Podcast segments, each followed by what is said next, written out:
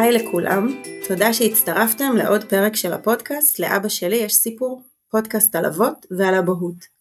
אני חני גיטליס, עובדת סוציאלית קלינית, מנחת קבוצות, מתמחה בטיפול בגברים ובאבות. בכל פרק אעסוק כאן בנושאים שמעניינים אבות, ואארח אבא שיספר את הסיפור שלו בגוף ראשון. גם הפרק הזה הוא המשך של סדרת פרקים, במסגרתה אני מקיימת שיחות עם אבות שגויסו למלחמה וחזרו עכשיו מתקופת מילואים ממושכת. פעם אני מארחת לשיחה אישית את עידן סרי לוי, נשוי ואבא לארבעה, עובד סוציאלי, פעיל בתחום אבהות ומשפחה, עובד ביחידה הטיפולית של עמותת לצידכם שמסייעת לאבות בקונפליקט גירושין גבוה וגברים נפגעי אלימות במשפחה, מטפל במרכז הורים ילדים ומנחה קבוצות גברים, ולא נשכח גם מ"פ במילואים. ב-7 לאוקטובר, אחרי שקיבל טלפון בבוקר שבת בדרך לתפילה, עידן עלה על מדים ויצא למילואים עוד לפני שהצבא הספיק לגייס אותו בצו 8. במעבר חד, הוא נכנס לתפקיד מפקד פלוגה ויצא למלחמה. אחרי 117 ימים במילואים, עידן חזר הביתה ממש לפני שבועיים. מעבר חד נוסף, חזרה למשפחה, לעבודה, לאזרחות. נדבר על החוויה האישית של עידן, ההתמודדות שלו כאבא רחוק מהבית, במילואים ממושכים, במלחמה, וגם על הפרספקטיבה הייחודית שלו כמי שבעצמו עוסק ומטפל בתחום האבהות, על חוויית האבות המילואימניקים בתקופה הזו. היי עידן. אהלן, נעים מאוד. אני ממש שמחה שאתה כאן. גם אני שמח להיות פה. בוא, בוא תספר קצת על הבוקר הזה של השביעי באוקטובר. אני כהרגלי איחרתי לתפילה, בסביבות השעה, אני אדם דתי, בסביבות השעה רבע ל... רבע לשמונה עמדתי להתארגן ואמרתי אני, אני אצא לתפילה ויאללה הפעם אני אגיע יחסית בזמן ואז אמרתי לעצמי רגע אני רוצה לקחת את הילדים איתי. יש לי ארבעה ילדים קטנים, רציתי לקחת את שלושת הגדולים ביניהם, אמרתי אני אקל על אשתי ונצא והתחלתי לארגן את הילדים ובסביבות השעה אני זוכר שמונה, שמונה ורבע כבר הייתי נורא נורא לחוץ ועמדתי ליד הדלת ואמרתי אה, יאללה אנחנו צריכים לצאת ויאללה אנחנו צריכים לצאת ואז מגיע הטלפון. אני זוכר שהשארתי את הטלפון דלוק אני ממש זוכר שביום שישי ישבתי ואמרתי רגע אני אשאיר את הטלפון דלוק אני לא אשאיר את הטלפון דלוק. אז אמרתי עקרונית אני חייב להשאיר אותו דלוק כי אני מפקד פלוגה מהירה והיום גם ככה הבטריות לא נגמרות כל כך מהר. אמרתי יאללה נשאיר אותו דלוק ובסביבות השעה שמונה ורבע באמת מגיע הטלפון ואני מסתכל על הטלפון אני רואה את המספר של הסמג"ד שלי של אורי אמרתי לשרה אמרתי לה תראי יש שתי אופציות או שיש מלחמה או שאני או שאורי יתקשר אליי בטעות ואז אני אהרוג אותו. עניתי לטלפון ואורי מדבר איתי הוא בעצמו היה בריצה לממ"ד הוא אומר לי תשמע אני, אני בדרך לממ"ד אין קליטה תסתכל בחדשות. פתחתי את החדשות אני זוכר שנעמדתי בסלון ליד הספה ואמרתי אמרתי לשרה, שרה זו אשתי, אמרתי לה, יש מלחמה. היא אומרת לי, מה, מה קרה? אמרתי לה, אמרתי לה, יש חדירת מחבלים לעוטף, יש מלחמה, אני חייב לצאת. מהר התחלתי לעלות על מדים, תוך כדי זה הייתה אזעקה, פתאום, אזעקה ראשונה, אני גר באזור ירושלים, ביישוב אלעזר, אה, והאזעקות הראשונות הגיעו אלינו בסביבות השעה שמונה וחצי. אה, הייתה אזעקה, לקחתי את הילדים לממ"ד, תוך כדי זה אני עולה על מדים, זורק דברים לתיק במין ערבוביה ואני מתקשר לסמג"ד אני אומר לו אני יוצא. הוא אומר לי אל תצא אסור יש מחבלים בצירים תחכה לאישור. אחרי חמש דקות אני מתקשר אליו אני אומר לו אני יוצא הילדים בינתיים לא מבינים מה קורה אני יושב איתם רגע אני מסביר להם ש, שיש מלחמה ואני צריך לצאת שקורים דברים שיש אנשים שעשו דברים רעים ואבא צריך לצאת לצבא הילדים קטנים, אבל כחלק מלהיות מילואימניק ומפקד במילואים, אז, אז הבית חי את זה. כלומר, זה לא פעם ראשונה, ילדים רואים אותי. אני את שנת, אה, את השנה הנוכחית שהייתה, התחלתי את המלחמה עם סדר גודל של 30-40 ימי מילואים, אחריי. אה, אז הילדים חיים את ההוואי של המילואים, הם מבינים שהאבא מפקד במילואים, הם באו איתי לטקסים, אבל הבנה ש, שעכשיו אבא צריך ללכת וללכת למלחמה, זה היה, זה היה מאוד מפחיד עבורם, זה היה גם מאוד מפחיד עבורי, ואני אומר להם שאני צריך לצאת ושיש אנשים שעשו דברים מאוד רעים ושאימא תישאר לשמור עליהם, ואני קם ויוצא בעצם בפעם הראשונה מהבית, אני עולה למעלה, ואני כבר מניח את התיק אה, שהיה ככה חצי מאורגן, אה, זורק אותו באוטו, מתקשר עוד פעם לסמג"ד, אומר לו תקשיב אני יוצא, אה, ועוד פעם החלטנו לחכות חמש דקות, בינתיים עוד אזעקה, אני רץ למטה לילדים, מכניס אותם עוד פעם לממ"ד, עוד פעם מחבק אותם, ו... ואז יוצא, מתחיל, מתחיל לנוע למרות שאין אישור, בינתיים אנשים רואים אותי למעלה, צריך להגיד שאנחנו חיים ביישוב דתי אז לא כל כך הבינו מה קורה, זה היה בשעה מאוד מוקדמת, שואלים אותי מה קורה ואני אומר להם תקשיבו כאילו יש מלחמה, תשארו בבתים ונוסע. בדרך באזור עמק האלה למי שמכיר עוצר, עוצרים אותי שוטרים ומכוונים עליי נשק ממש לתוך הפרצוף ומבקשים ממני להזדהות כי, כי יש מחבלים uh, על מדי צה"ל שמסתובבים בצירים, נדבר בערך על השעה אפילו לא תשע בבוקר, מקווה שלא ישמעו אותי שוטרים uh, כשאני מדבר אבל נסעתי מאוד מהר. ושם זה היה התחנה הראשונה כמובן הזדהיתי וזו חוויה לא נעימה אבל אנחנו בדרך, אני בינתיים uh, כשאני יוצא מהבית אני מבין שיש מחבלים ואני מבין ש... כאילו בהתכווננות שלי אני מבין שאני חייב להגיע ולעשות את העבודה שזה זה מה שצריך לעשות ואז אה, ואז בעצם אני מכניס גם כדור לקנה באקדח ש, שאני נוסע איתי האקדח האישי ו, ונוסע. אני פוגש עוד מחסום כזה בדרך בדרך לבסיס וממשיך לכיוון הדרום. אין הרבה רכבים בכבישים כלומר כבישים יחסית ריקים ואנחנו נמצאים ב, באזור, אה, זה נקרא משמר הנגב, זה על יד שדרות, אה, נתיבות אופקים, ממש בגזרה שהיא רוויית מחבלים, אני מגיע, ל, אני מגיע לבסיס, ברוך השם, ברוך השם בסדר, אה, מגיע לבסיס ומולי נוסע, אני מדבר על השעה תשע וחצי, בערך קצת לפני, ומולי נוסע נגמש במהירות, אני מדבר איתך על הכביש, כן, לא... נגמשים לא אמורים לנסוע על הכביש. נוסע נגמש על הכביש עם חייל ככה לחצי ב', לא מסודר, לא מדוגם, אה, ממש כאילו במין תחושה אפוקליפטית כזאת. אה, אני נכנס מהר בש"ג בשיא המהירות, נוסע על הימ"חים. אני מגיע לימ"ח, יש, חיכו לי שם שלושה חיילים, אני נכנס ויש ענן ענק של מאות ציפורים שמתרוממות כזה במין תחושה כאוטית אפוקליפטית אה, ואנחנו מגיעים ומתחילים לעבוד. אה, תוך כדי הנסיעה אנחנו מקפיצים את כל החיילים אה, מהבתים, את כל המפקדים ו- ו- ומתחילים לנוע. ואנחנו מתחילים לעבוד ו- ובינתיים אנחנו מגלים שחלק מהאנשים לא נמצאים, כלומר כי הם נעדרים, כי הם לא עונים, כי uh, חלקם עם המשפחות שלהם בעוטף נעולים בבתים. אנשים שמגיעים, אנחנו לאט לאט מתחילים לחוות ופתאום האירועים מתחילים לטפטף פנימה. Uh, סרטונים שאנחנו מכירים ומה שזה עושה למורל של האנשים, חיילים שפתאום מגלים שאנשים שיקרים להם, חברים, uh, משפחה, נהרגו, לאט לאט זה החוויה שלנו בימים הראשונים. אנחנו מתחילים לעלות על הכלים ו... ו... ופשוט פשוט להתחיל להוציא משימות, אה, להניע את המשימות, ואני זוכר אה, איזשהו רגע במוצאי שבת, שאני בתוך כל הטירוף, אני מוצא רגע, אני אומר ל... ל... לאחד המפקדים, אני אומר לו רגע, תחפה עליי רגע, אני צריך להתקשר לאשתי. התקשרתי לשרה ואני אומר לה, אני בסדר, מה איתכם? אני חושב שזאת הייתה חוויה שהיא, כאילו, אני בסדר מה איתכם, שליוותה אותי 117 ימים. כלומר, גם ה- להתעדכן, להתעדכן ולעדכן במעט, ש, במעט שאנחנו יכולים, עם הזהירות לא לשתף יותר מדי. אה, לקח הרבה זמן עד שסיפרתי לה את מה קרה בדרך ו, ואת החוויות שחווינו אחר כך. אני חושב שהמרחק, כשאתה נמצא במילואים, אז בסוף היא אמרה את זה בצורה נורא יפה, שגם הדרך שלה לתרום למלחמה זה להיות מגויסת עבור הבית. כלומר אני לא באמת יכול לתפקד לבד, כלומר יש לי ארבעה ילדים והיא התגייסה להיות הכל עבורם. אמ, שזה אומר, תחשבי שאנחנו חיים בבית שבו אין אה, מנהל את הבית ועוזר, בסדר? יש אה, שני הורים שמנהלים אה, משק בית.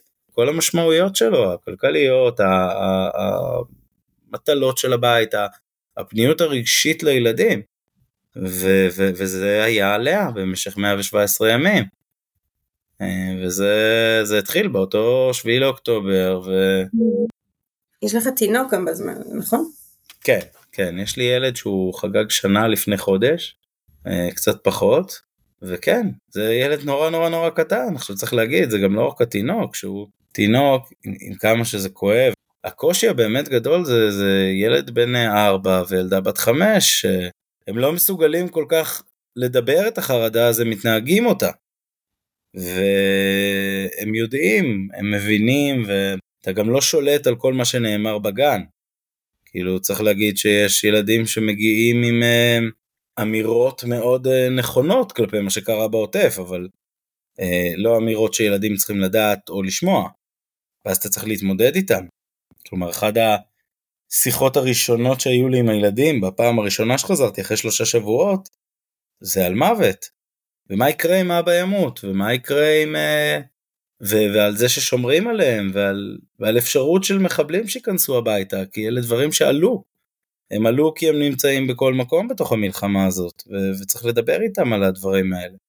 ותראה, אני מחזיק בגישה שנכון לדבר על מוות מהיום הראשון, אבל, אבל, אה, אבל משהו, זה, זה, מה שנקרא, זה לא מוות טבעי, אתה מתחיל מלדבר על מוות טבעי של אדם מבוגר, אתה לא, לא על ילדים שנרצחים בממ"ד.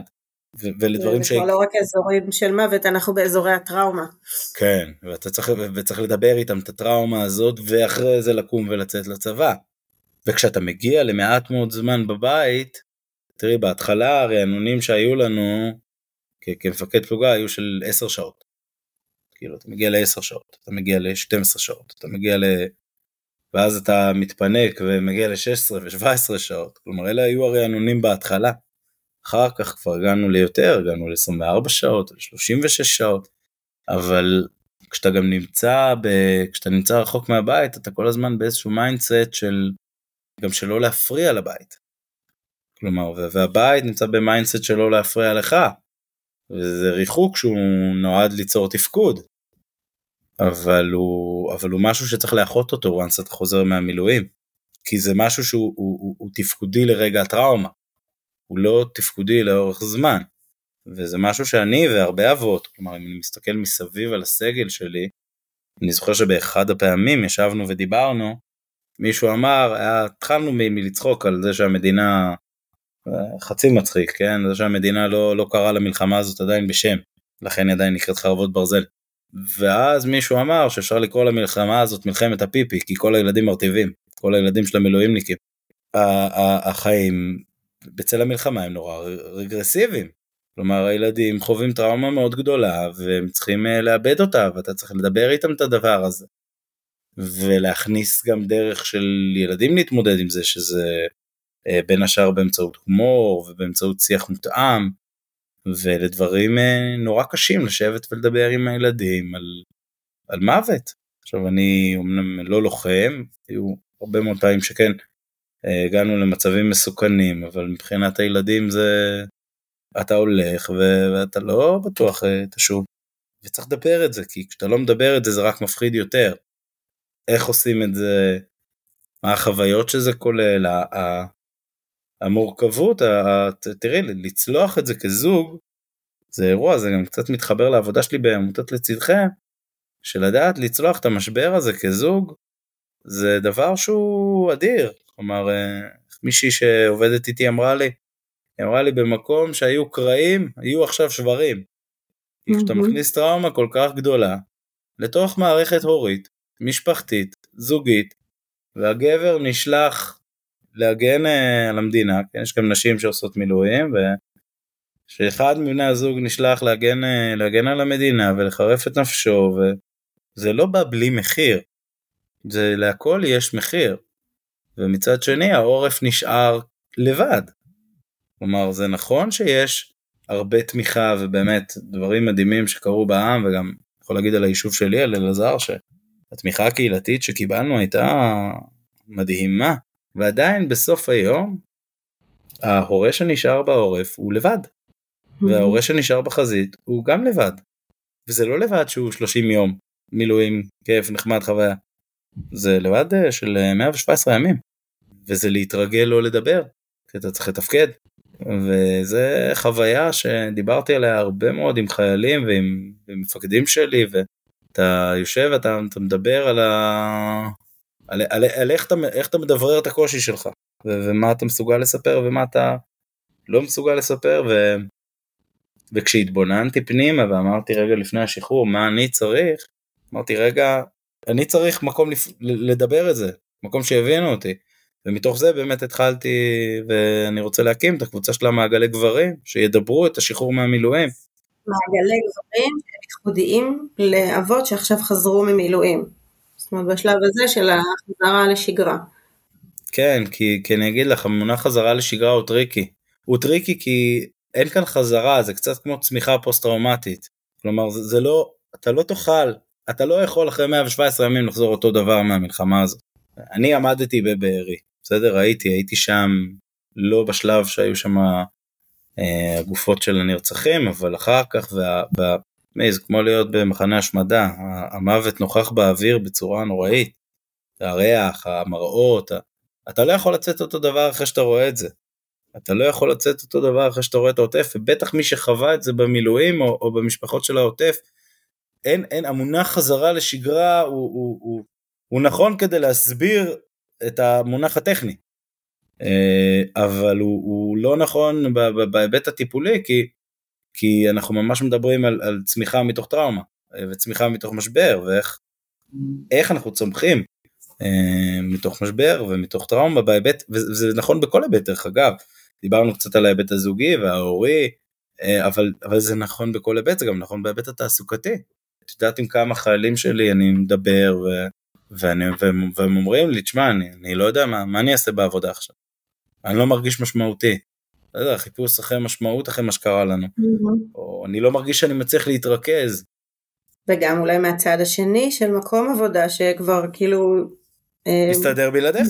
מסתדר, כן. אני חושבת שזה גם, קראתי את הפוסט שכתבת ממש כשחזרת, העולם לא ייראה יותר אותו דבר. כתבת שהבנת את זה, כאילו ברגע שכבר הבנת לאן אתה יוצא, היה איזה משהו בהבנה ממש מיידית של השינוי הזה, והחיים שמשתנים בעקבות מה שאפילו עוד לא ראית בשלב הזה. נכון. אני זוכר דרך אגב איפה התובנה הזאת נפלה לי, זה היה כש... אני חושב בפעם הראשונה או השנייה שהשוטרים כיוונו לי עם 16 לתוך הפרצוף. אני לא, דרך אגב, אני מצדיק אותם, הם היו בסדר גמור, הם עשו את תפקידם. בצדק, הם היו מחבלים על מדים, בצדק גמור, אני, הסתובבתי על מדים ואני אמנם שלושת רבעי אשכנזי בגנטיקה, אבל במראה הרבע התימני תפס את הצבע, אני, אני מבין אותם לחלוטין. הם עושים את תפקידם, כנראה שאם הייתי במקומם הייתי עושה אותו דבר.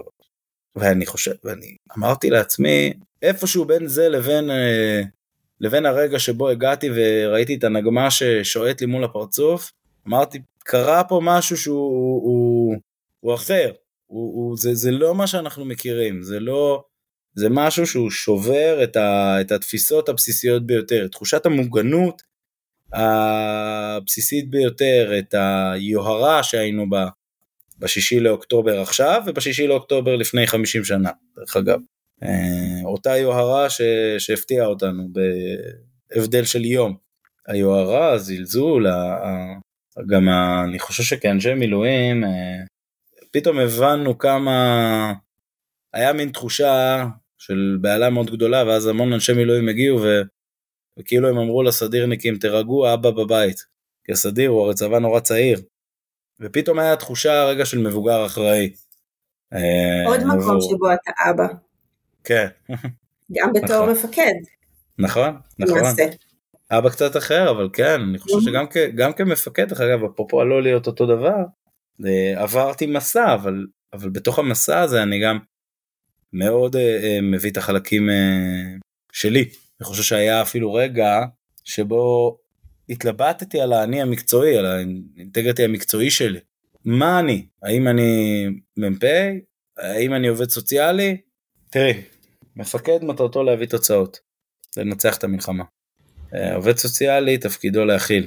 השניים האלה הם לא תמיד באים בסתירה, אבל הם באים בסתירה כשאתה בפרקטיקות ובגישה. הגעתי ודיברתי באחד הפעמים, אז אמרתי להם, זה, היה בפני עובדים סוציאליים, ואמרתי להם שאני מתנצל שאני נשמע כמו מ"פ בצבא, אבל זה תפקידי כרגע והתפקיד משפיע על, ה, על הדיבור.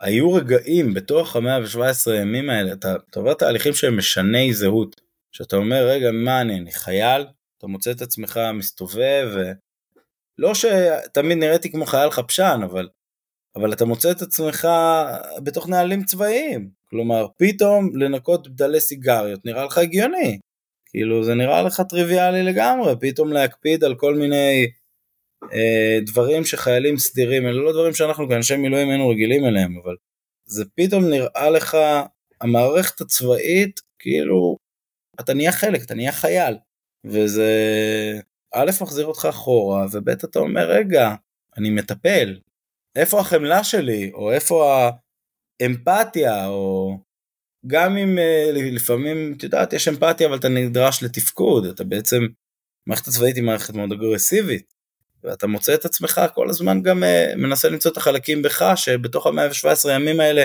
נמחקו. לכן אני אומר, גם החזרה לשגרה בהיבט המקצועי אפילו, היא, היא לא מדויקת, כי אני לא אהיה אותו מטפל שהייתי לפני השביעי לאוקטובר. אני פשוט לא אהיה, כי דברים השתנו בי. ואיפה זה בחלק שלך כאבא? כאילו, אני חושבת, תוך כדי שדיברת, חשבתי על, כאילו, איפה המקום של המפקד גם פוגש את האבא. כן, בטח. את האבא ואת הבן זוג דרך אגב. נכון. זה לא, זה לא רק האבא, כלומר, אני אתן לך דוגמא, תראי כמפקד אתה עושה, כמ"פ אתה כל הזמן עסוק, אתה עסוק 24/7. או ליתר דיוק זה לא תמיד שאתה עסוק כמו זה שאתה לא פנוי. אה, כאילו אתה כל, כל הזמן אתה ב stand להקפצה, פתאום יש לך איזה דיון מטומטם, שעוד פעם יכולים לא להגיד שם שום דבר, אבל כאילו הלו"ז שלך כל הזמן בנוי ו... ופתאום אתה מגיע הביתה, ואתה נמצא בבית, ואתה עובד, ומגיעה שעה חמש בערב, או שש, לא משנה, או שבע, ורגע אין איזה מטלה מוגדרת, אין איזה דיון, אין איזה הערכת מצב, ואתה מוצא את עצמך לא מבין מה אתה עושה עם השקט. ואז, ו- ו- וכאבא אתה, אתה צריך לעבוד על דברים שהם, תראי, אם יש, אני חושב שה kryptonite של כל הורה, בסדר? לא חושב שאימא או אבא שונים בעניין הזה, זה הצעקות של הילדים שלהם. אני יכול לשבת מאחורי ילד במטוס שיצעק 200 שנה, זה לא מפריע לי. בסדר, הוא לא אותך. זה לא מפעיל אותי בדיוק, הנה מילה של עובדים סוציאליים, לא מפעיל אותי. לא מפעיל אותי אפילו קצת, בסדר? לא, לא, לא, לא, בטיפה לא. אבל צעקה של הילד שלי לא 48, לא, לא עכשיו 48 שעות מאחוריי במטוס, 48 שניות, ואני כבר אה, קופץ לי הפיוז. בסדר, זה עניין הישרדותי, אבל תחשבי שאחרי 117 ימים, אתה פתאום צריך לחזור לזה. וזה בסדר, זה טבעי שילדים צועקים, ו... כי, כי אלה ילדים, כי, כי מה לעשות, זה חלק מלגדל ילדים.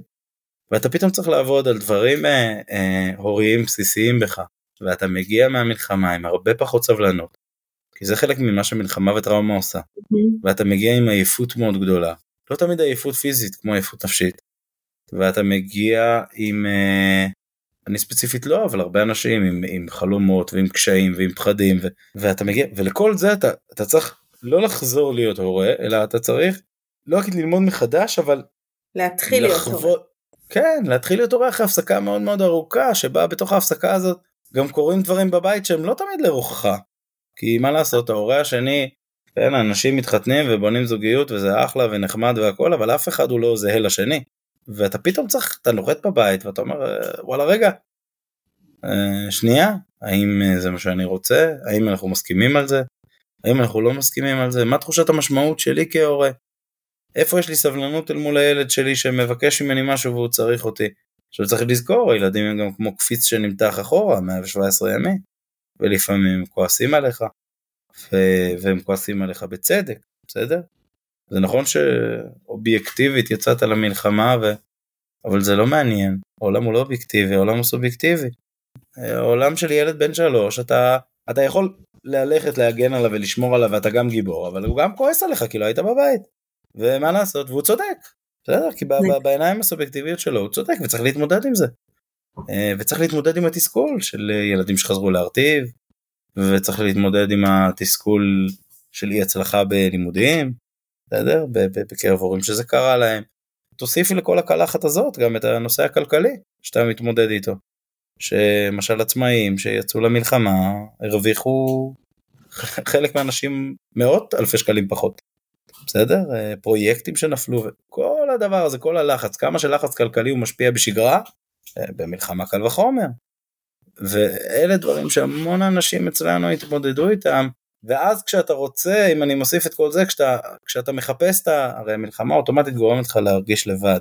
ואז כשאתה מגיע ואתה אומר, אוקיי, כל הדברים האלה עוברים לי בתוך הנפש, כל הסערה הגדולה הזאת, את מי אני משתף?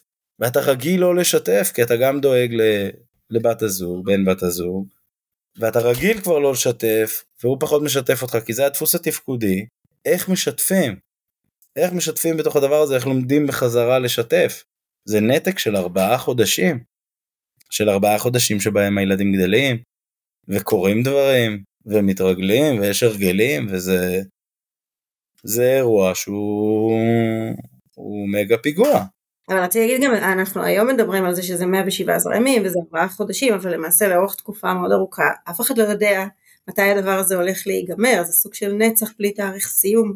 אין לך איזה יכולת להגיד להם, הנה זאת הטבלה, תסמנו איקס כל יום ופה אני אחזור הביתה. יותר מזה, א' את צודקת, אני, אני אמרתי להם שאני חוזר הביתה יומיים לפני השחרור. כשכבר הזדקנו על כל הציוד. כי אמרתי לעצמי, ודרך אגב לא רק אני אמרתי את זה, כלומר אנחנו היינו עתודה, עדיין, לא שוחררנו, לא שוחררנו, היה, הייתה מתפתחת מערכה בצפון, היו אומרים לנו חמודים, חשבתם שאתם משתחררים, אז לא. אתה כל הזמן באי ודאות, כלומר עד רגע פקודת השחרור המלאה, הוודאית, עד הטקס, עד הזיכויים הלוגיסטיים האחרונים, אתה לא יודע שתשתחרר. עכשיו אני אגיד יותר מזה, השתחררת? מתי אני חוזר לצבא? אני יודע שיש לי תאריך אי שם בספטמבר. זה אני יודע שאני חוזר, פה יש לי סוג של ודאות. אבל מה יקרה בדרך? אנחנו עדיין נמצאים בתוך המלחמה. יש עדיין אבות שלא נמצאים, יש עדיין אבות שעדיין שם, ו... ואנחנו לא יודעים, תתפתח, תתפתח מערכה בצפון, לא תתפתח מערכה בצפון, אנחנו לא יודעים. ואם תיפתח, קדימה צפונה. גם את המורכבות הזאת אתה צריך להסביר לילדים. הרבה אבות נמנעים, ובצדק מסוים, מלהסביר את זה, כי הם אומרים, למה להגיד לילדים דבר שלא בטוח יקרה?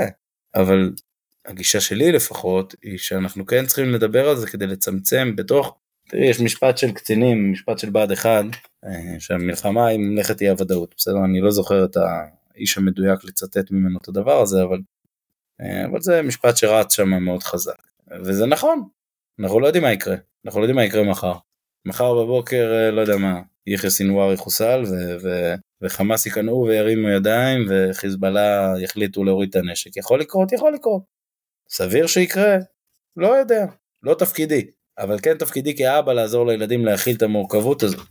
תפקידי כאבא לעזור להם להבין שיכול להיות שאני לא אהיה פה.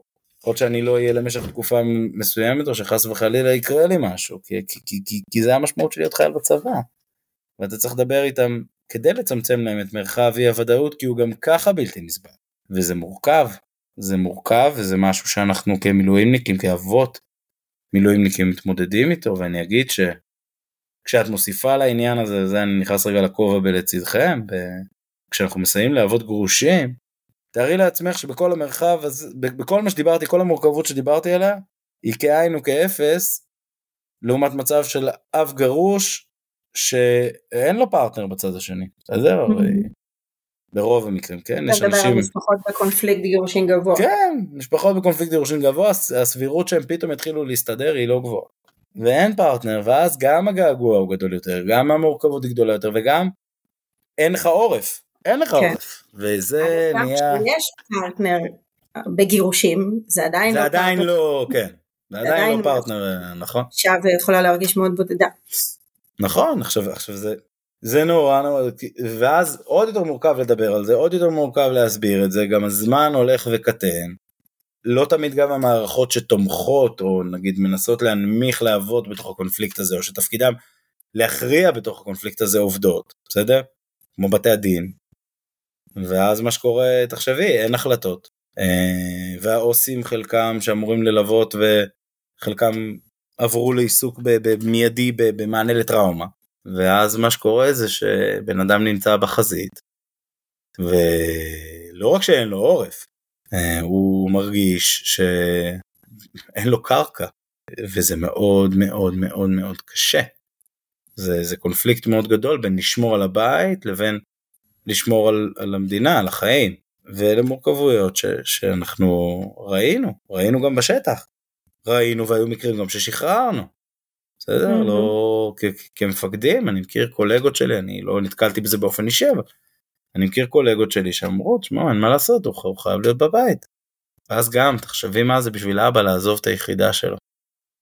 עם האחוות לוחמים ועם האחוות אחים, בטח כשיש לחימה. זה גם נכון, דרך אגב, זה גם קורה בהיבטים תעסוקתיים, שאתה רואה את זה הרבה אצל אבות.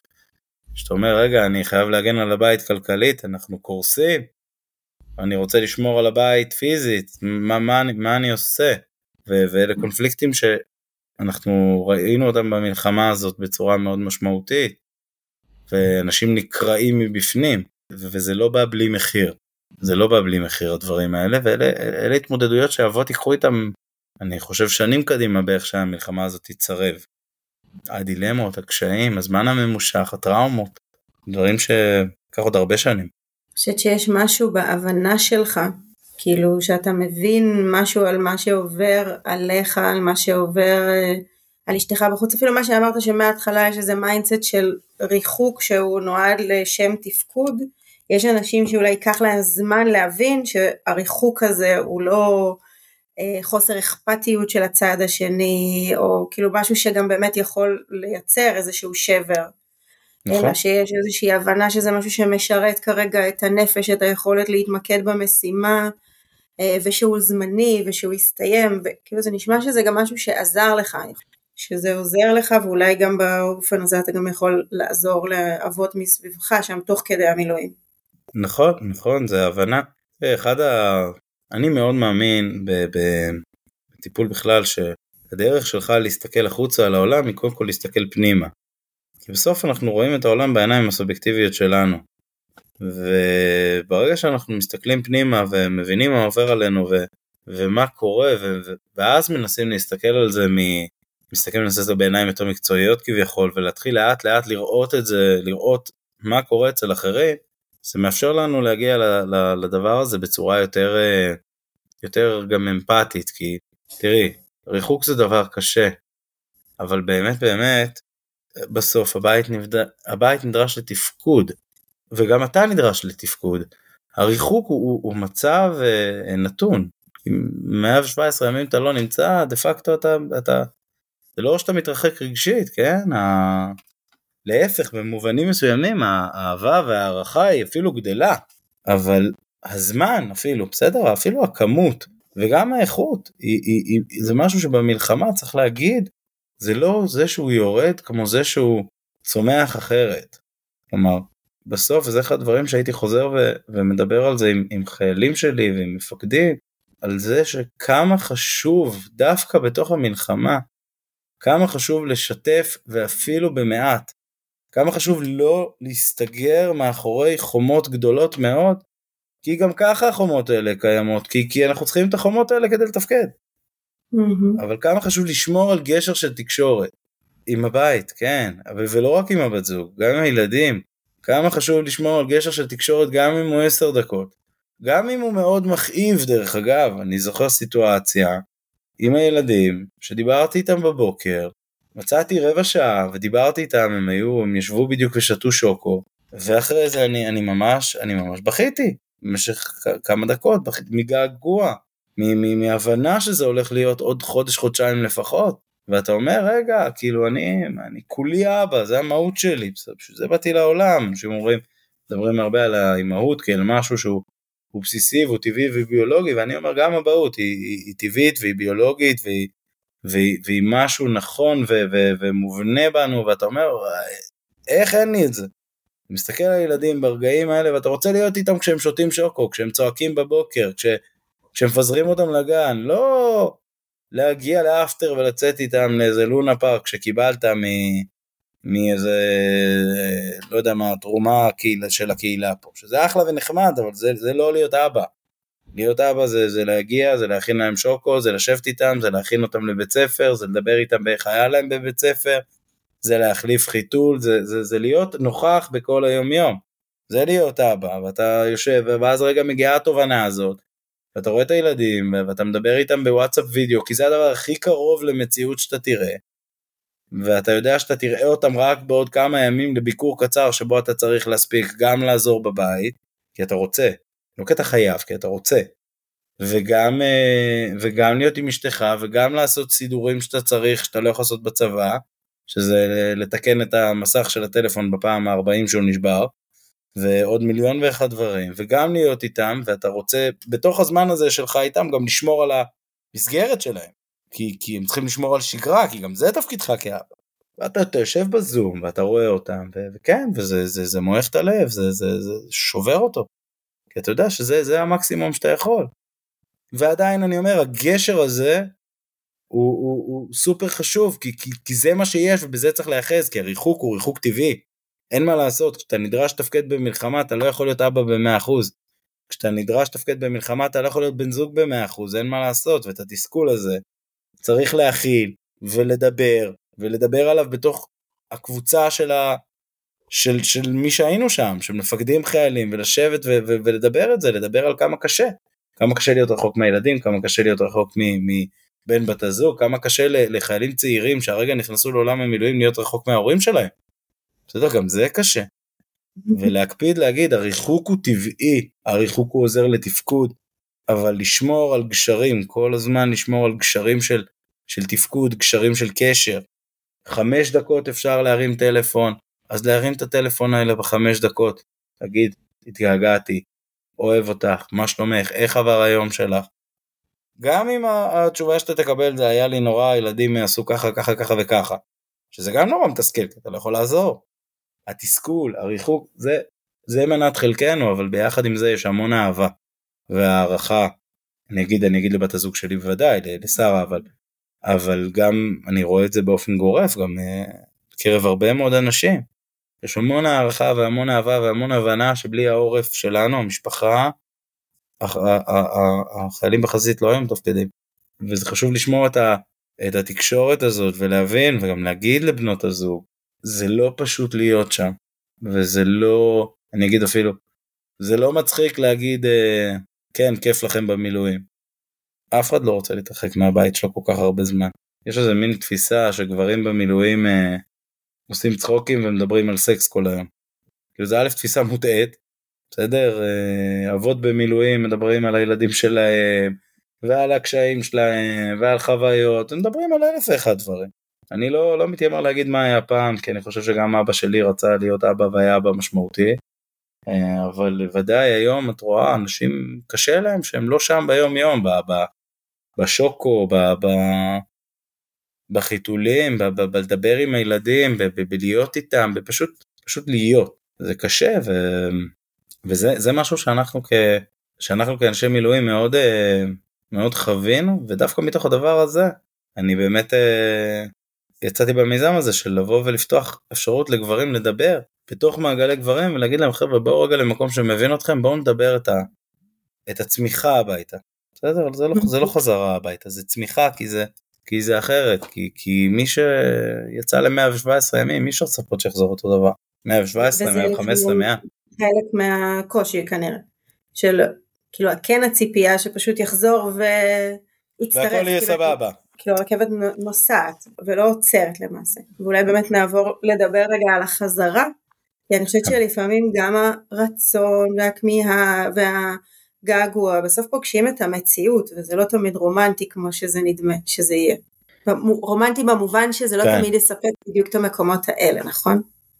זה בוודאי זה נכון מאוד כלומר אתה חוזר הביתה ואתה לא חוזר בעצם לגמרי הביתה כי אתה מצפה לקום בבוקר וללכת לצבא ולאט לאט מתחילים אה, טקסים של כאילו של חזרה הביתה אתה מחליף את השעון בשעון רגיל אזרחי או במקרה שלי אתה מגלה שלשעון הרגיל שלך כבר אין בטריה אחרי ארבעה חודשים. הזמן אה, עצר. הזמן עצר מלכת ממש. ליטרלי אה, כן. אתה פתאום עובר לבגדים אזרחיים אתה פתאום לא לבוש בירוק. אתה לאט לאט מתחיל לחזור ל- ל- ל- לעולם המקביל הזה שהוא כולל קשר עם אנשים שארבעה חודשים לא היית בקשר איתם. וזה הסתגלות פתאום אתה צריך ללכת לעבודה. איך מישהו, יש, יש לי חבר שהוא מהנדס, הוא אמר לי, תשמע, היום הראשון שלי בעבודה, פשוט בהיתי במסך, ובשלב מסוים פשוט הלכתי. כי, כי אתה לא מסוגל, כי הראש שלך במקומות אחרים לחלוטין. כי אתה דואג גם לחברים שלך שנשארו מאחורה, ואתה אומר, רגע, איך שחררו אותי ולא סיימנו את העבודה, ו... ואתה שם, אתה שם עדיין בתודעה. ופתאום זה פוגש את המציאות. כאילו, זה, זה פוגש את המטלות, את הכלים, ואת הכביסות, ואת הקניות, וכל מיני דברים ש... שלא עשית, או איך אשתי אמרה לי בבוקר, היא אמרה לי, עד שחזרת לא היה לי, לא היה לי מרווח טעות.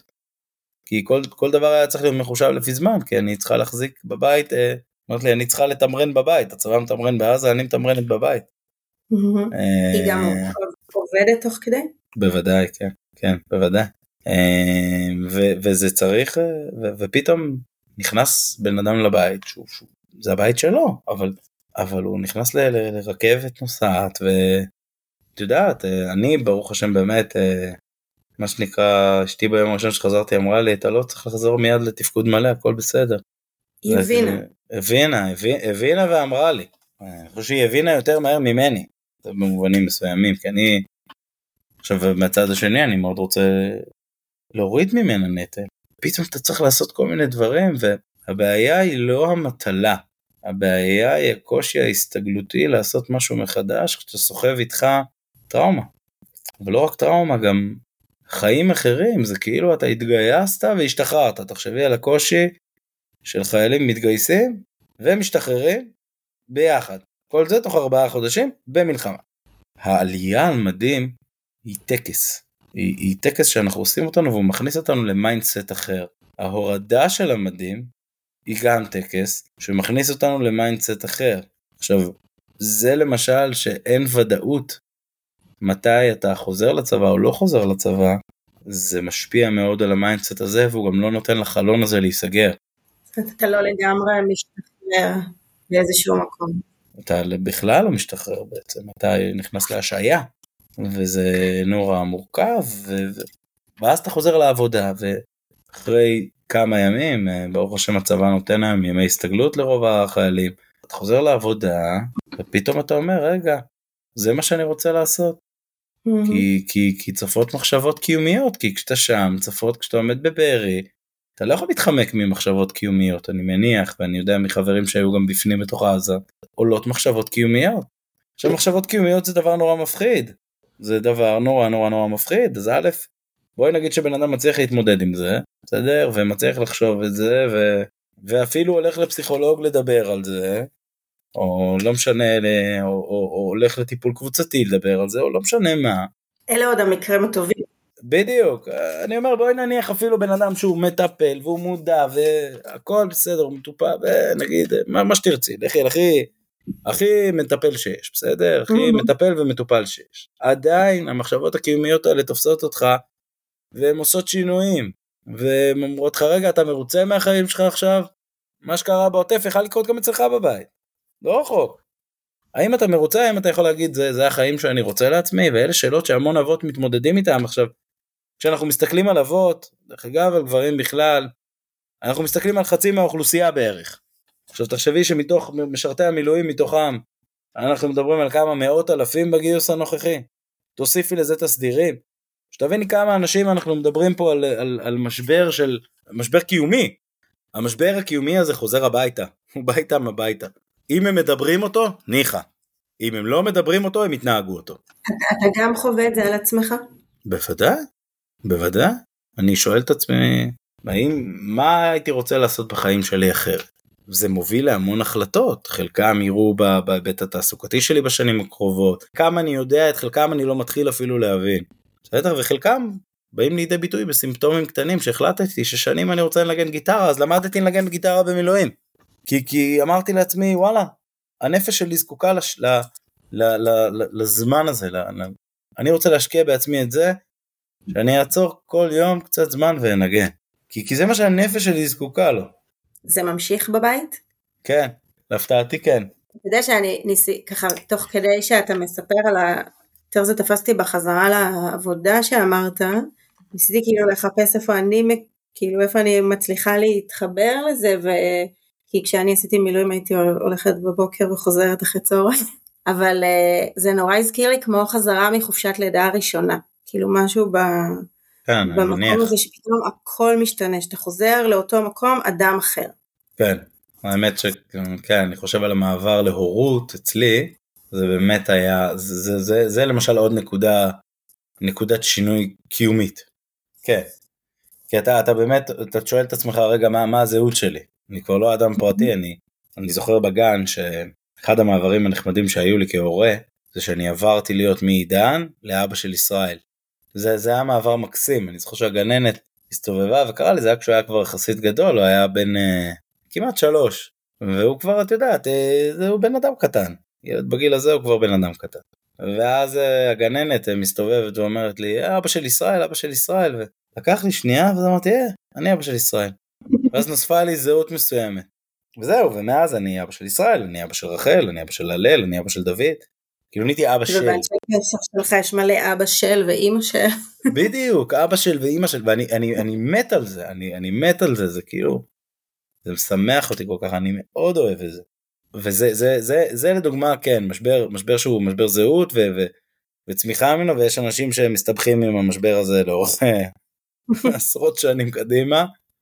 אה, אבל כן, המילואים בהיבט הזה והיציאה למלחמה הזאת והדברים שחווינו וראינו וגם כעם, כמדינה, הם דברים ש, שהם לא יהיו אותו דבר, תראי, אה, וזה במיוחד גם בגלל הפגיעה בחסרי ישע שהייתה שם.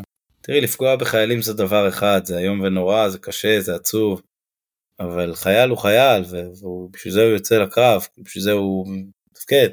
אבל הפגיעה שנעשתה שם בילדים, הפגיעה המכוונת בילדים, בקשישים, אה, באנשים מבוגרים שאין שום קשר בינם לבין הקונפליקט הזה, רצח שיטתי, זה, זה משהו שהוא, הוא, הוא, במיוחד כהורה, הוא, הוא, הוא גומר אותך. אני זוכר שאמרתי לאחד המפקדים שלי בשיחת סיום, שדיברו איתנו וקצת הרגיזו אותי בנוגע לכל מיני תנאים שלא נתנו לנו, לא משנה. אמרתי להם שגם אם הם לא ייתנו לנו את, ש...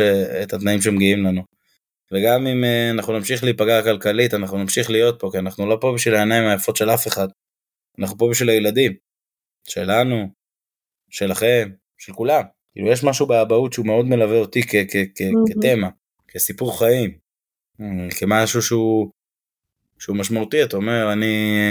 זה גם, גם ככה הסברתי הרבה פעמים את המלחמה לילדים, אמרתי, אבא ו... ועוד אבות אחרים, אמרתי להם אבא ואבא של ואבא של, מה ש... כמו שאמרת, אה, אבא של ואבא של.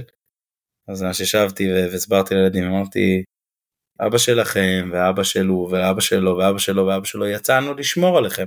זה מה שאנחנו עושים, כי התפקיד של האבות, כשיוצאים למלחמה, זה לשמור על, ה... על הילדים ולשמור, על המ... ולשמור בעצם על, ה... על המדינה. זה כן. משפט ממש חשוב, כי אתה בעצם אומר, זה לא שני חלקים מנותקים בזהות שלי, אני יוצא כי זה גם חלק מהתפקיד שלי בלהיות אבא, אני יוצא גם לשמור על הילדים שלי אה, במקום שאני חי, בקהילה שאני חי בה, במדינה שאני חי בה, זה חלק מהתפקיד שלי. כן, כן, זה חלק מהתפקיד, זה חלק מהזהות שלי. אני חושב שדרך אגב גם הזהות המקצועית שלי מאוד קשורה קודם כל לאבהות שלי, והאבהות שלי קשורה לזהות המקצועית שלי. תראה, אני חושב שלא נותנים מספיק מקום לאבהות במרחב היום ולהבנה שהאבהות היא, אומרים הרבה אה, אם טובה דייה, שזה אחלה, זה נכון, זה מונח טיפולי אה, מקסים, אבל הבעיה שלי היא שהוא מדבר על אם, כלומר, זה הורה טוב דיו. לא תמיד מדברים ונותנים מקום לאבהות כאל דבר טבעי, אה, כאל דבר שהוא נכון, כאל משהו שהוא עוטף ו- וחם ו- ובעל תפקיד התפתחותי אה, בחיים של הילד. כלומר, אה, של כל ילד, וכולנו היינו ילדים, ו- ובסוף אני חושב שאם יש משהו שהוא משותף לכולנו באמת, זה שכולנו היינו ילדים, וכולנו צריכים וזקוקים לאבא, בדיוק כמו שאנחנו זקוקים לאימא.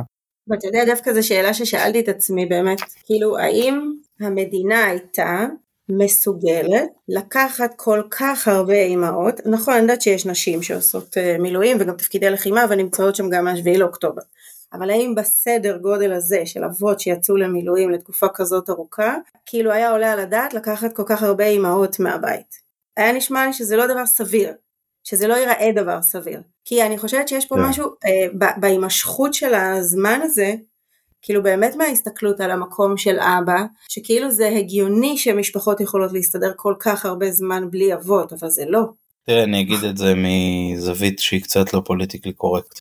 בסוף, אני חושב שיש משהו בתפקיד ההישרדותי, הבסיסי ביותר, אה, שגברים מילאו לאורך ההיסטוריה, ושכן, זה נכון שיש נשים לוחמות שהן לוחמות מדהימות, ובטח לוחמות הרבה יותר טובות ממני, שאני לא לוחם בכלל, אבל יש משהו בתפקיד ההישרדותי של אבות שתפקידם בין השאר הוא, הוא גם להגן על הבית פיזית. תראי, אני חושב שהמדינה, כן, זה שהיא לוקחת את האבות כל כך הרבה זמן מהבית, זה, זה, זה, זה קשה, זה איום ונורא, ואני לא חושב שהיא הייתה לוקחת את האימהות מהבית לתקופה כל כך ממושכת, כמו שלצערי הרב לגברים לא ניתן חופשת לידה, שהם צריכים אותה, והיא לא צריכה להיקרא חופשת לידה, היא צריכה להיקרא חופשת הורות.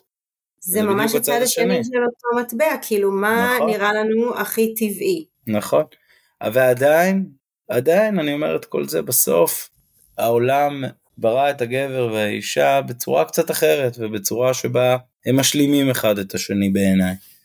יש כנראה סיבה ביולוגית שמרבית הגברים הם אלה שהולכים ללחימה.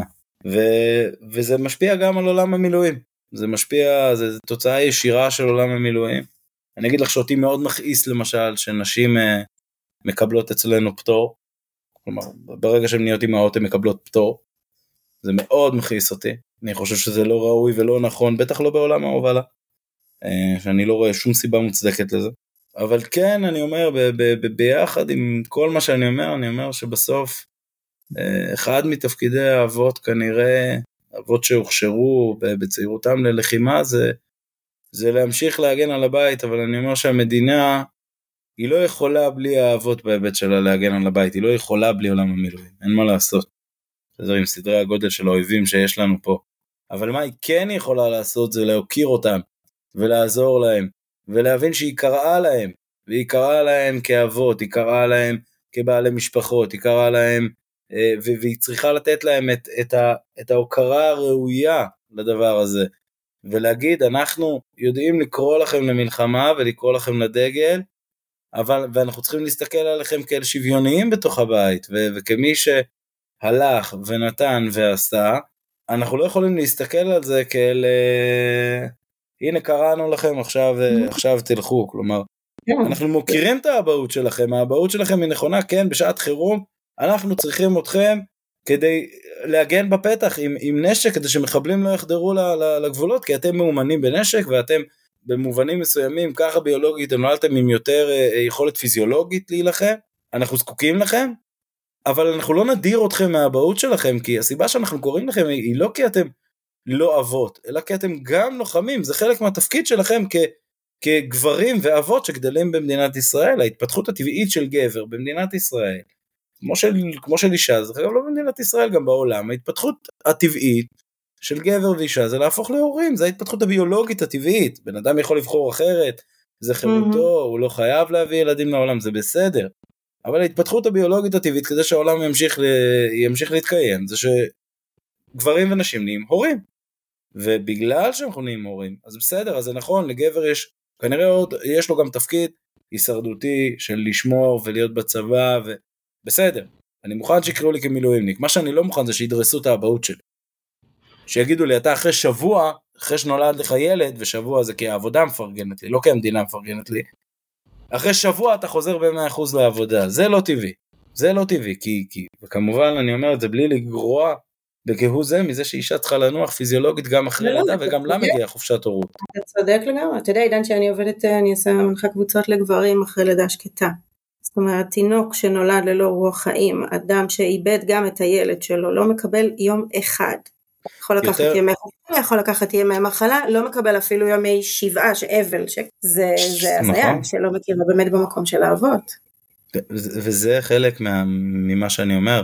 אני אתן את כל כולי למדינה, אבל אני מצפה שהמדינה תכיר בדבר הכי בסיסי ויסודי בחיים שלי, שהוא ההורות. זה הדבר הכי, הכי ביולוגי שיש. אין יותר טבעי מזה. ראיתי לא מעט גברים, במיוחד מאז שאנחנו מכירים והאוזן שלי יותר קרויה לזה, לא מעט גברים שאיבדו ילדים ב- ב- בלידה שקטה או, ב, או בשלבים מוקדמים יותר. באמת, מהמם. אני, אני חושב לפחות, לפחות בראש על חמישה. סיפור המשותף לכולם הוא שהם מרגישים שאין לגיטימציה לכאב שלהם. שהם צריכים לתפקד ולתמוך באישה, ואני אומר, זה הילד שלך כמו שזה הילד שלה. בסדר? אנחנו לא, אנחנו לא נוצרים, אין פה הריון מרוח הקודש. זה, זה, זה הילד שלך. בן אדם שאיבד, אני זוכר שאמרתי למישהו, אמרתי לו, ואיך אתה מרגיש? זה היה לפני כמה שנים. והוא פרץ בבכי. באמת, פרץ בבכי. אף אחד אף פעם לא שאל אותי את השאלה הזאת. ו- וכאן אני, אני, אני אומר, אנחנו נתגייס למילואים ואנחנו נהיה ואנחנו נעשה, תמיד. זה תפקידנו, זה אחד מהתפקידים הבסיסיים ביותר שלנו כ- כאנשים שהיו בצבא, שיצאו לקורס קצינים כדי להמשיך להיות במילואים, שהיו ב... שיצאו להיות לוחמים, תפקידנו להגן על הבית ולשמור עליו, זה חלק מהתפקיד האבאי שלנו, זה חלק מהתפקיד הקיומי שלנו, אבל זה לא סותר את זה שמגיע לנו מקום כאבות. מגיע לנו שמערכת הרווחה תראה אותנו כאבות, שמערכת הבריאות תראה אותנו כאבות, שלא יצא מצב שמאות גברים מתאבדים בשנה כי הם מרגישים שבגירושין לא רואים את האבהות שלהם. הם נלקחים כמובנים מאליהם. זה דרך אגב, אנחנו נראה את זה אחרי הלחימה, שאנשים יבואו ויגידו, רגע, לקרוא לי ללחימה ידעתם, אבל לראות את המצוקה שלי, איפה אתם? Mhm. איפה אתם בזה? כבר מתחילים ו- לשמוע כל מיני סיפורים אה, גם כלכליים וגם... אבל נכון. רציתי לשאול, רציתי להגיד כן משהו לגבי המלחמה, אם נחזור למלחמה, מהמם. זה גם בלתת אה, לאבות את מעטפת התמיכה הכי עוטפת שיש כדי שבתים יוכלו להתקיים בצורה הזאת ארבעה חודשים. נכון, ודאי. זה קריטי. זה קריטי, ממש. כי, כי, כי החזרה הביתה היא קשה, היא יכולה להצמיח, להצמיח כוחות משותפים, אבל היא קשה. איך זה אחרי שבועיים? נכון אתה שבועיים אחרי. כן, אם אני אסתכל בהיבט של הבית, למרות שחלק מהסיפור זה גם עבודה, כי זה לחזור לכמה דברים בבת אחת. בוודאי. אתה... תראי, האתגר הכי משמעותי בסוף, זה דרך אגב נכון גם בהיבט הזוגי, גם בהיבט ההורי, גם בהיבט המשפחתי, זה נכון בכל היבט, האתגר הוא אתגר של תקשורת. איך אתה חוזר וצומח מתוך איפה שהיית, ואיך אתה מגשר ומדבר ומשתף, וזה צריך לבוא עם לגיטימציה של הצד השני, של הרבה מאוד סבלנות, וגם מתן סבלנות שלך לצד השני, כדי להבין ש, שיש, היה כאן קצר בתקשורת שהוא קצר אובייקטיבי, בסדר? בן אדם שנמצא בתפקיד, בלחימה, או לא בלחימה, אבל בתפקיד אינטנסיבי, לא יכול לתקשר, טכנית, לא יכול. ולכן, האתגר הגדול הוא תמיד תמיד תקשורת, זה דרך אגב, לא רק האתגר, זה גם הפתרון. כי ברגע שיודעים שיש תקשורת, אז הם מבינים את המוקשים, ולא נבהלים. ולאט לאט רבים ומדברים ומשקמים ומקדמים, והכל הכל הכל הכל דרך תקשורת. זה, זה דעתי. בסוף הכל הכל תקשורת, וקשר. תקשורת וקשר, לדבר ולדבר ועוד פעם לדבר, וכשקשה, וכשאתה מרגיש, וזה אולי הטיפ שלי לאבות, כשאתה מרגיש שקשה, ואתה בודד, ואתה לבד, ואתה לא רוצה לדבר, דווקא אז, תדבר הכי הרבה. כי זה, כי, כי, כי זה מראה על, על, על כמה אתה זקוק לדבר. כמה אתה זקוק לקשר, כמה אתה זקוק רגע לשתף את, ה, את החוויות הקשות שעברת. אני הרבה מהחוויות הקשות שעברתי בשבוע הראשון של הלחימה, שעמדנו בסכנת חיים עם חששות של חדירת מחבלים, ואתה עומד ואתה מסתכל לשמיים, אתה לא יודע אם הם יגיעו מהשמיים, אם יגיעו מהצדדים, אתה לא יודע כלום. חלק מהחוויות האלה אני מגיע ומשתף רק עכשיו, כי עד עכשיו נדרשתי לתפקד. עכשיו אנחנו יכולים לדבר, אנחנו יכולים לשתף. השיתוף הוא משהו, הוא כלי משמעותי. אני אגיד שאני רגע שם בפח את המילה שיתוף, כי גברים זה עושה להם אלרגיה המילה הזאת. כי היא מילה עם טאבו נשי. אני אגיד לדבר. מה שאתה מספר, גם הצד השני צריך לשמוע, רוצה לשמוע, וכשאתם מדברים, אתם צומחים מזה. כשאתם לא מדברים, אז אתה מרגיש לבד, ואתה מרגיש בודד, ואתה מרגיש מתוסכל, כי לא מבינים אותך, והצד השני גם הוא, צריך לזכור שעבר הרבה מאוד דברים בזמנים האלה, וגם הוא מרגיש מתוסכל, וגם הוא מרגיש בודד, וחוסר תקשורת זה בעיניי, אני לא אגיד שזה הסיבה לכל הרע, כן, אבל זה בטח לא מקדם ופותר את הדברים הקשים שכולנו מתמודדים איתם.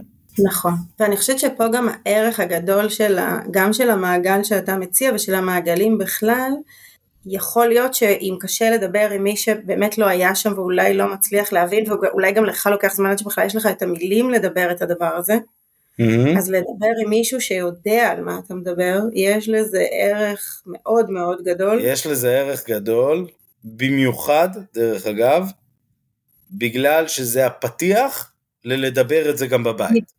בדיוק, כי אז אני יכול רגע, קודם כל אני גם שומע את עצמי, אני גם שומע אחרים, וזה עושה סדר שבאמת יכול לחזור, כאילו לאפשר לי לחזור למעגל הטבעי שלי, לבית שלי, למשפחה שלי, ולהתחיל נכון. לדבר על זה גם שם, ואני חושבת שמבינים את זה בכל מיני קבוצות של גברים, בכל מיני תחומים. נכון. זה אחד, ואני חושבת שבאמת פה יש גם ערך גדול למה שעושים עכשיו ל...